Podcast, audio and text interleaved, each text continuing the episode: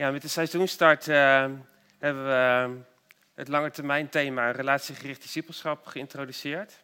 En we zijn toen gestart met de woorden van Jezus.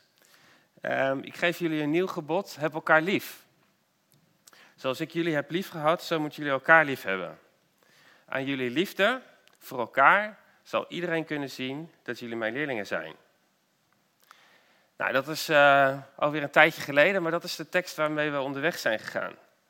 En wat Jezus leerde, is dat de mate van onze liefde voor God eigenlijk bepaald wordt um, door de mate waarin we in staat zijn om die liefde ook daadwerkelijk uit te werken in relaties met anderen.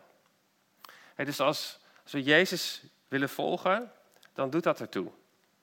En misschien zit jij wel na drie weken lockdown, misschien even op zo'n punt dat je heel erg aan je tak zit, zal ik maar zeggen. Blij dat de scholen weer open gaan. Heb je nog wel veerkracht over? En daar kan ik me, ja, daar kan ik me echt wel wat bij voorstellen. Dus vandaag wil ik met jullie nadenken over veerkracht. Hoe blijf je geestelijk en emotioneel fit in deze tijd? En dat voelt soms een beetje als topsport. In uh, ja, de coronacrisis, waar we opnieuw een lockdown te verwerken hebben gehad. Maar goed, ik wil eerst even met jullie kijken naar een, uh, een plaatje. En dat heb ik genoemd de relaties uh, van het ik. Als het goed is, komt dat nu ook in beeld. Het ik heeft verschillende relaties. Um, als je gelooft, heb je een relatie met God. Maar je hebt ook een relatie met jezelf, met je eigen binnenwereld. En ook met anderen. En met de schepping natuurlijk. Dat is juist ook in deze tijd erg belangrijk geworden. Um, we hebben die relatie met de schepping in de westerse wereld nogal verwaarloosd. Nou, Joost heeft de afgelopen tijd uh, stilgestaan in hoe je Jezus kan volgen samen met anderen. Dus dan zit die relatie met anderen uh, daar in beeld geweest. misschien kan je je nog herinneren aan gezien, gekend en gezegend in relaties.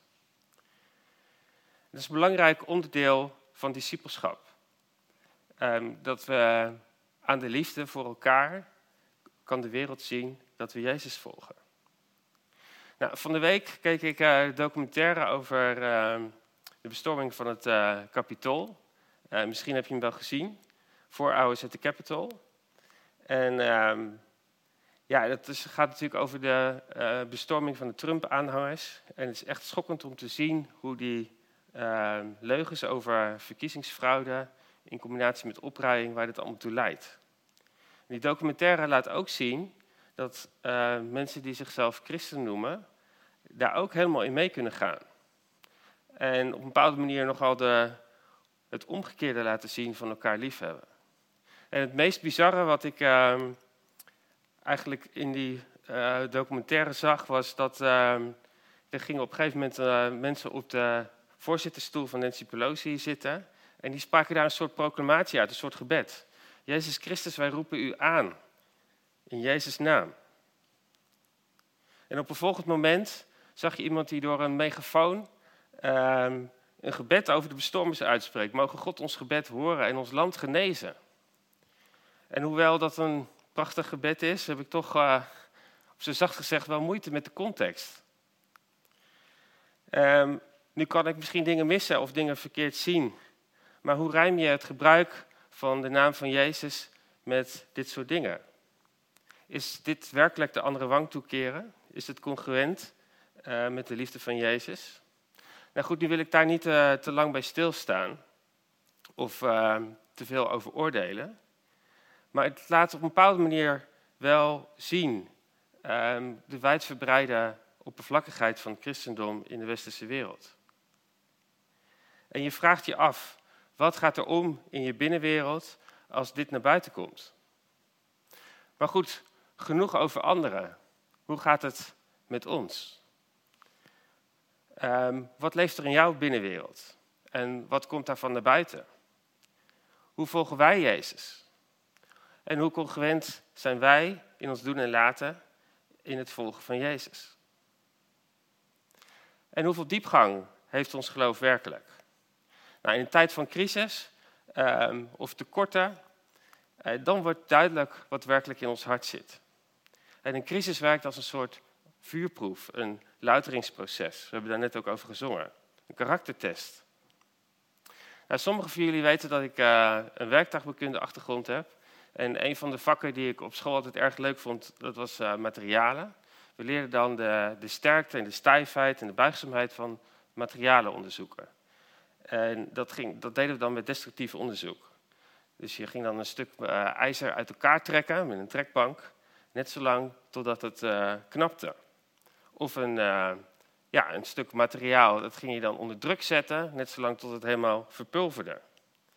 En ehm, we leerden ook hoe we, hoe we staal konden harden door het te verhitten. En dan moest je het heel snel afkoelen in water. Dat moest je heel precies doen. En een van de opdrachten was om een gehardstalen mes te maken. En uh, het, was heel belangrijk dat je het staal dan uh, op de goede temperatuur bracht, dat het echt helemaal uh, door en door roodgloeiend was. En dan moest je het in water houden. En dat, dat moest heel precies. Het moest ook weer niet te lang. Want als je dat goed deed, dan werd de buitenkant van het metaal werd keihard en de binnenkant bleef het wat zachter. En dat zorgde ervoor dat het mes uh, super sterk was en tegelijkertijd ook slijtvast. Nou, er waren ook nogal gasten die gingen daar wat onhandig mee om en die lieten dat mes in het water vallen. Nou, dan ging het helemaal mis, want dan was het keihard geworden en toen brak het. Omdat het niet buigzaam genoeg was.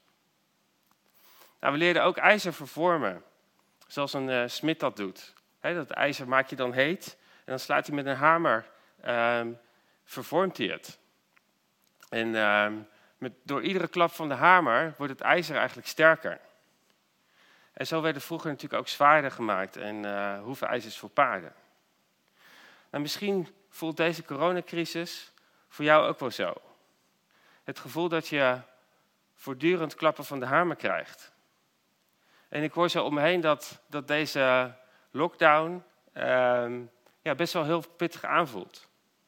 Opnieuw alles dicht, je kan niks, thuiswerken, kinderen thuis, misschien wel stuiterende kinderen. En het, het stelt ons geestelijk en emotioneel uh, op de proef. Hebben we nog wel voldoende veerkracht? Maar misschien um, kunnen het voor jou ook andere dingen zijn. En misschien voel je je wel eenzaam. Misschien ben je chronisch ziek. Of voel je je uitgeput. Of heb je een onvervulde kinderwens? Verlang je naar een levenspartner? Of heb je te maken gehad met verlies? Misschien ben je altijd op zoek naar een huis of een baan. Het kan van alles zijn. En hoe gaan we om met dat soort dingen? Hoe blijf je veerkrachtig? Hoe blijf je liefdevol? Hoe blijf je geduldig? Hoe blijf je geestelijk en emotioneel fit in deze tijd? En wat heeft het allemaal voor zin, hè? Um, wil ik dit nog wel als dat soort dingen niet veranderen, als het niet verbetert? Heb ik er nog wel zin in? En is er überhaupt voldoende perspectief op verandering? En hoe moeten we dat allemaal duiden en wie is God daar dan in? En wat kan ik nu eigenlijk werkelijk van Hem verwachten? Dat soort vragen. En vragen die ja, misschien ook wel door het aanhouden van de coronacrisis, uh, ja, steeds meer aandringen. Misschien begint het bij jou ook wel te knagen. Waar haal ik steeds opnieuw de kracht vandaan? Heeft mijn geloof wel voldoende diepgang, voldoende wortels? Kan het tegen een stootje? Heb ik nog wel genoeg veerkracht? Dan laten we de Bijbel open doen en lezen uit Romeinen 5, vers 1 tot 5. Daar spreekt Paulus over geestelijke en emotionele veerkracht. Even kijken hoor. Mijn schermpje doet even niet wat ik wil. Ja. Paulus zegt daar het volgende.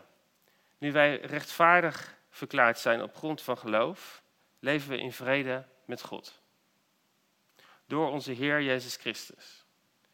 Dankzij Hem hebben we door het geloof toegang gekregen tot Gods genade, die ons fundament is. En mogen we ons laten voorstaan op de hoop om in zijn luister te delen. En dat niet alleen. We laten ons zelfs voorstaan op de ellende die we ondervinden. Omdat we weten dat ellende tot verharding leidt, verharding tot betrouwbaarheid en betrouwbaarheid tot hoop. Deze hoop zal niet worden beschaamd. Omdat Gods liefde in ons hart is. Uitgegoten door de Heilige Geest, die ons gegeven is. We leven in vrede met God. Is dat ook jouw perspectief van de afgelopen drie weken of de afgelopen tijd? Heb jij de afgelopen drie weken gedacht, nu we weer in lockdown zitten, ga ik even fijn groeien in volharding, betrouwbaarheid en hoop?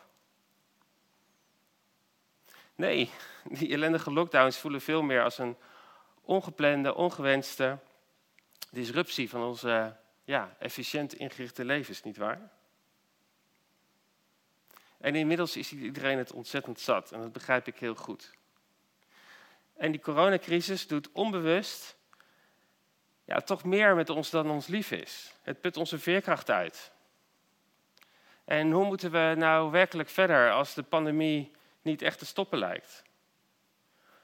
We moeten leren leven met het virus, dat hoor je steeds meer om je heen.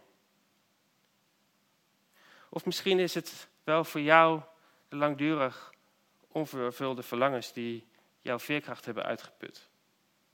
En die dingen doen vaak meer met ons dan we ja, willen toegeven. Ons toekomstperspectief verliest een beetje zijn glans. En we moeten dromen bijstellen. Het wordt onzeker. En in ons westerse denken is ergens mee leven, iets verdragen, iets verduren. Dat is een beetje ingewikkeld geworden. Dat zijn we niet zo gewend. We zijn best wel gewend geraakt aan de maakbaarheid van dingen. Maar wat als er geen quick fix is? Geen escape? Van corona hebben we allemaal last. En sommige groepen heel veel zelfs, zoals ouderen, kwetsbaren, ouders met jonge kinderen, jongeren, sommige ondernemers, die worden hard geraakt. Maar we mogen leren, dwars door moeilijkheden, ellende, een weg te vinden om langdurig dingen te verdragen die we eigenlijk helemaal niet leuk vinden, waar we niet per se op zitten te wachten. En dat werpt ons best wel even terug op onszelf, nietwaar? Hebben we voldoende veerkracht ontwikkeld om hiermee om te gaan? En wat heb je aan je geloof in dit soort tijden? Hoe staat het ervoor met mijn geestelijke en emotionele veerkracht? En misschien is jouw volgen van Jezus, jouw geloof, ook wel een beetje gebaseerd op fixen. Zo van, het volgen van Jezus brengt je van A naar beter. Dat was de deal. En wat je niet leuk vindt, of dat fixt hij, prima. Maar als dat nu anders werkt, als dat nu niet zo is, hoe werkt het dan? Of misschien probeer jij wel te vluchten of te verdoven. Maar ook dat werkt niet echt. Doen wat je altijd deed, is krijgen wat je altijd kreeg. En het is denk ik tijd voor een verandering. Tijd om het anders aan te pakken. We hebben iets nieuws nodig. Want wat als we de ellende en moeilijkheden langdurig moeten verdragen? Wat geloven we dan nog? En is ons geloof op een bepaalde manier niet te oppervlakkig geworden?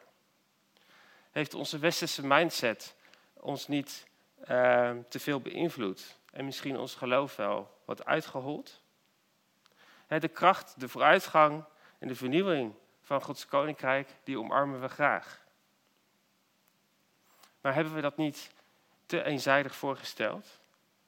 En heeft dat ons beeld van wie God werkelijk is ook niet wat aangetast? als we iets kunnen zien van Gods kracht, van zijn ingrijpen, dan stelt ons dat gerust. Omdat het dan overduidelijk is dat Hij er is, dat Hij iets doet en een keer brengt in onze situatie. En dat helpt enorm om God te zien als goed. Ehm, en we vinden een bepaalde zekerheid in zijn zichtbare handelen. En dat is natuurlijk super gaaf. Maar kan het zijn dat ehm, dat soort zekerheid op een bepaalde manier voor ons een, een afgod is geworden? Hebben we God niet te veel geplaatst in onze eigen hokjes. Want met zo'n geloof gaan we ergens vastlopen als dingen aanhoudend niet veranderen. Als we dingen moeten verduren. Als we ergens dwars doorheen moeten. En wat geloven we dan ten diepste over wie God is? Geloven we dan nog steeds dat Hij goed is? En oppervlakkig geloven werkt dan niet meer. We hebben echt iets diepers nodig. En we hebben ook elkaar daarbij nodig. Ik ben zelf ook gewoon meer dan ooit eigenlijk aan het leren om te verduren, om te verduren, te verdragen, te volharden. En om heel eerlijk te zijn, ik vind dat helemaal niet leuk. Ik baal er ook wel van soms. Het maakt me soms boos, onmachtig of verdrietig. soms voelt het ook een beetje onveilig of onbeschermd. Zo van, Heer, waarom laat u dit soort dingen toe? Waarom grijpt u niet in? En soms heb je er dan even geen zin meer in. misschien herken je dat wel. En dan gaat het leven weer door en van die knagende vragen die dan een beetje blijven sluimeren. Vragen die je ook niet zomaar beantwoordt. En vaak zit er achter zo'n vraag ook een hele wereld van gevoelens of aannames. En dat vraagt dat je ja, wat zelfonderzoek doet en wat aandacht besteedt aan je binnenwereld. Maar al te vaak blijven we aan de oppervlakte hangen. En uh, nemen we onvoldoende tijd om dit soort dingen serieus te nemen. ons copingmechanisme is me al te vaak doorgaan, of negeren of wegstoppen. En door. Maar dat werkt nou net niet op de lange termijn. En hoe kunnen we dan groeien in geestelijke veerkracht? Want dit copingmechanisme dat maakt ons eigenlijk best wel kwetsbaar. Het tast onze geestelijke en emotionele veerkracht aan. Als we er overheen blijven leven, dan maakt het ons leven en ons geloof oppervlakkiger. En dat zie ik best wel veel om me heen. Want hoe kunnen God en geloof een antwoord zijn als wat de crisis uh, met ons doet, of wat onvervulde verlangens met uh, ons doen, als we dat op een bepaalde manier vermijden. En ik ben een boek uh, aan het lezen van Pete Scazzaro, um, Emotional Healthy Discipleship. En daar kwam ik de volgende quote tegen. En dat is best een stevige, dus we hem even op je inwerken. Het negeren van onze emoties is hetzelfde als niet in de realiteit leven. Luisteren naar onze emoties trekt ons de realiteit in. En dat is de plek waar we God ontmoeten. Emoties zijn de taal van onze ziel. Ze zijn de roep die ons hart een stem geeft. Echter vaak zijn we doof daarvoor. Door ontkenning, wegstoppen, niet in contact zijn met onze emoties. Als we onze emoties veronachtzamen, zijn we niet echt. En verliezen we een prachtige mogelijkheid om God te ontmoeten. Dus een oppervlakkig geloof, een oppervlakkig volgen van Jezus, heeft eigenlijk best een hoge prijs. En het niet in contact zijn met je binnenwereld, het niet in contact zijn met de emoties van moeilijke of ellendige dingen die we meemaken, maakt op een bepaalde manier ook dat we God daar niet in kunnen ervaren. In de Bijbel vinden we nogal een paradoxale one-liner van Jezus. Hij zegt, dat, dat zegt hij uh, in de zaligsprekingen, gelukkig de treurende, want zij zullen getroost worden. Nou, dat zou bijna een uitspraak van Johan Cruijff kunnen zijn, vind je niet? Het is nogal logisch dat je, niet, dat je alleen getroost kunt worden als je verdriet hebt. Anders heb je het natuurlijk niet nodig. Je kunt nu eenmaal niet bemoedigd of getroost worden uh, voor pijn of gemis dat je niet voelt, toelaat of aan voorbij leeft. Nou, dat doen we maar al te snel. Met andere woorden, als je verdriet hebt, maar niet treurt, je laat die emoties van verdriet of pijn niet toe, dan kun je ook niet getroost worden in relatie met God en anderen. En dat is nou precies wat we wel zo nodig hebben. Een geloof wat alleen gericht is op weten of het rationeel kennen van God, dat bouwt dus heel weinig aan veerkracht. Omdat die emotionele kant uh, wat onderbelicht is. Als we onze emoties veronachtzamen, dan zijn we niet echt in contact met de realiteit. En verliezen we die prachtige mogelijkheid om God te ontmoeten. Goed, dan weer even terug naar de tekst van Paulus uit Romeinen. Nou, als ik dat lees, dan moet ik echt maar meerdere erkennen in Paulus. Misschien geldt het ook wel voor jou. Ik denk dan echt, wauw, wat heb jij met God meegemaakt dat je zo naar ellende kunt kijken? Dat je als het ware eh, kunt zeggen, uh, kom maar op met wat voor ellende dan ook. Kom maar op met die lockdown. De scholen zijn dicht, maar de school van volharding, de school van betrouwbaarheid en de school van hoop is open. Want wat er ook gebeurt, God is goed. Hij blijft goed. En hij heeft echt alles in zijn hand. Ook als uh, mijn zekerheden onzeker zijn geworden, kan je dan nog steeds zeggen, he is in control. En het goede wat hij voor mij heeft, komt sowieso mijn kant op. Ondanks ellendige omstandigheden. Als je dat kunt zeggen, dan heb je de oppervlakkigheid van je af kunnen schudden. Dan heb je een diep volwassen geloof. Dus Paulus legt de lat hier best wel hoog. En alle ellende die hij heeft meegemaakt, heeft hem niet verbitterd of onderuit gekregen. Het heeft hem juist meer veerkracht gegeven, volharding. En wat mij inmiddels duidelijk geworden is in die school van volharding, is dat comfort niet Gods hoogste prioriteit voor me is. Ouch, dat is best wel lastig. Maar waar hij wel prioriteit van maakt, is het vormen van Jezus in mijn karakter. En dat is niet altijd comfortabel. Het is nu eenmaal zo dat het ijzer alleen gesmeed kan worden als het heet is. De smid maakt het staal heet en slaat met de hamer. En de vervormingen die maken het staal hard en sterk. En Paulus heeft geleerd dat die verhitting en die vervorming, die op het moment zelf niet per se fijn zijn, dat hij dat toch als iets positiefs kan zien. Een weg van verharding naar betrouwbaarheid en hoop. En in 2 Korinthe, hoofdstuk 4, vers 8 tot 10, daar kunnen we lezen dat Paulus niet ontkent, niet wegstopt of bagatelliseert wat, uh, wat voor ellende hij allemaal te verduren heeft. Hij schrijft het volgende. We worden van alle kanten belaagd, maar raken niet in het nauw.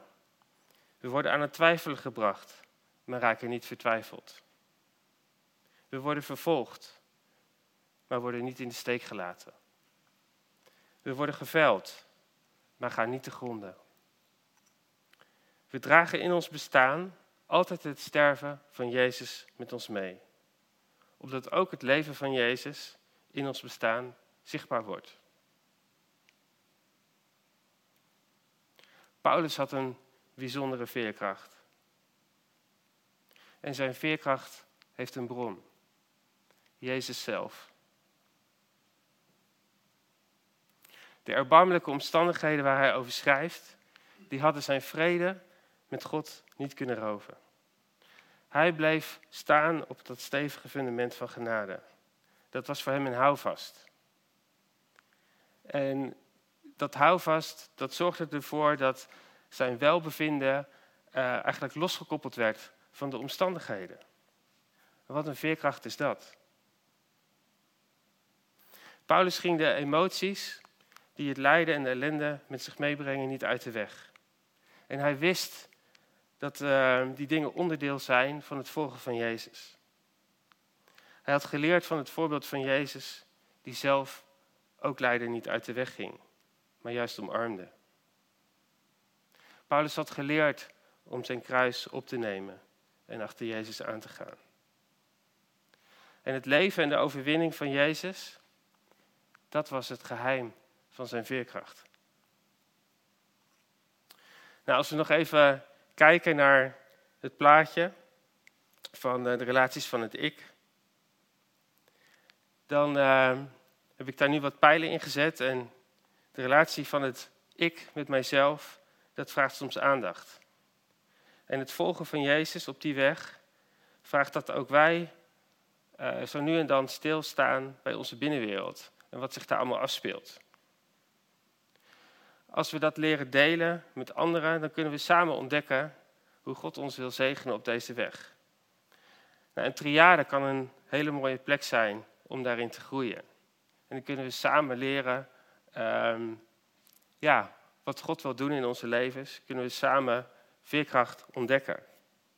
door moeite, weerstand, pijn, lijden, door dat niet uit de weg te gaan, um, creëren we een prachtige mogelijkheid om God te ontmoeten. Net zoals Paulus dat deed, zal het ook bij ons nieuwe veerkracht geven. En wat een inspirerend voorbeeld is Paulus. En mensen met zo'n veerkracht, die lijken ook iets over te hebben als iedereen stuk zit. En hoe gaaf is dat als wij als gemeente zo'n veerkracht kunnen ontwikkelen, uh, die geworteld is in uh, het lijden en het sterven van Jezus, dat we anderen kunnen helpen. Dat, we, dat je misschien uh, ouders die even stuk zitten uh, en iets delen op het schoolplein, dat je die kan helpen, dat je voor ze kan bidden. Of, of misschien is dat een brug te ver, maar kan je ze gewoon bemoedigen. Of even aandacht besteden aan waar ze doorheen gaan.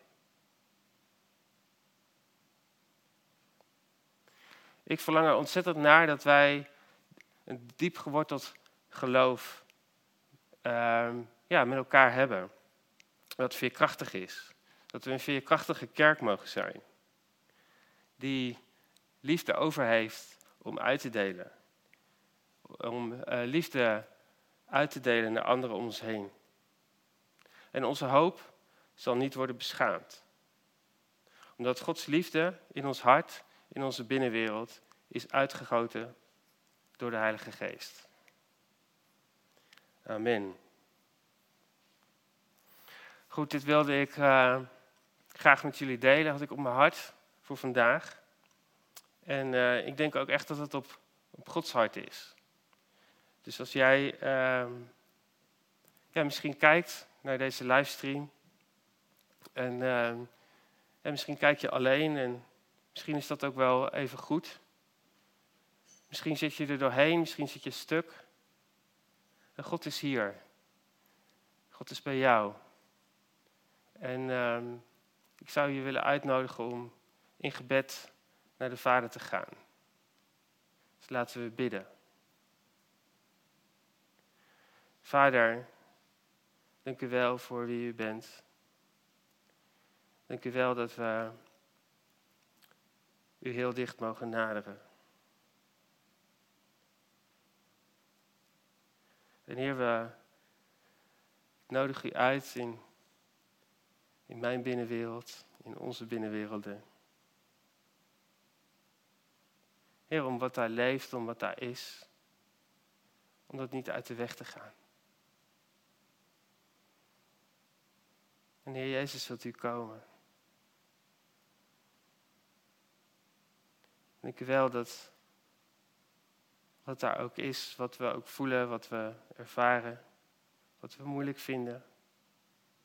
Dat niets te groot is voor, voor u. Dat u ons niet afwijst of dat u ons niet negeert. Ja, maar u bent hier.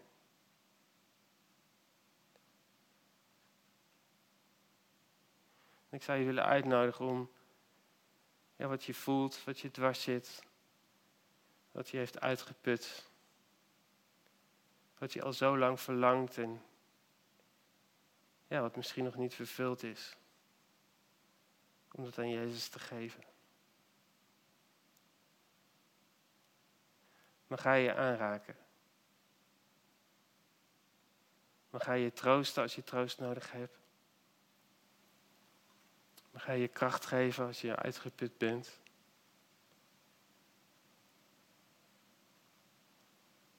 Mag Hij je zegenen met zijn liefde. Mag Hij je vervullen met zijn warmte.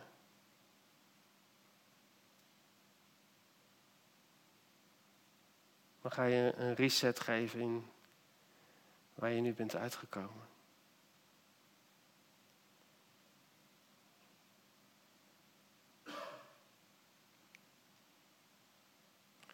En als je uh, eigenlijk altijd gewend bent om, als je dingen voelt opkomen, om, om die weg te duwen, dan zou ik je willen vragen, doe dat vandaag eens niet. En misschien betekent dat dat je, dat je wel even in tranen uitbarst.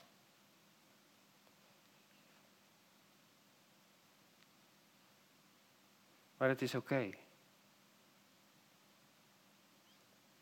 God is hier.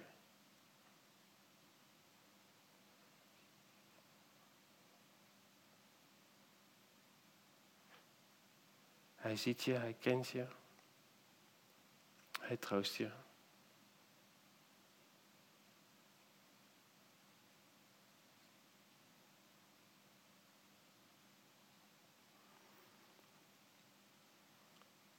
En misschien uh, zijn er anderen die uh, deze tijd heel anders beleven en misschien wel, uh, ja, wel heel erg goed opgaan. Dan zou ik je willen vragen van, eh, neem eens iemand in gedachten waarvan je weet dat die nieuwe veerkracht nodig heeft. Iemand in je gezin, misschien iemand in je familie, een vriend of een kennis of, een of je buren. Vraag de Heilige Geest of, uh, ja, of, of Hij iemand op je hart wil leggen. En laten we dan bidden voor, voor veerkracht. Heer, u, u kent de namen van deze mensen.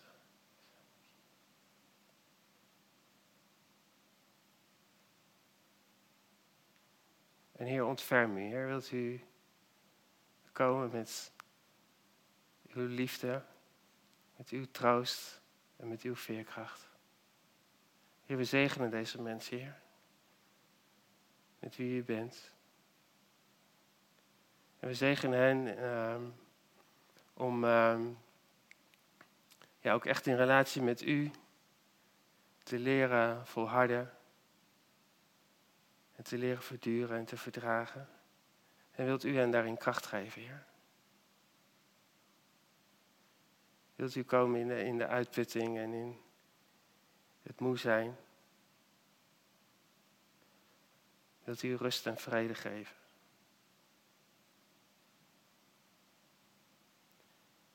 In Jezus' naam. Amen.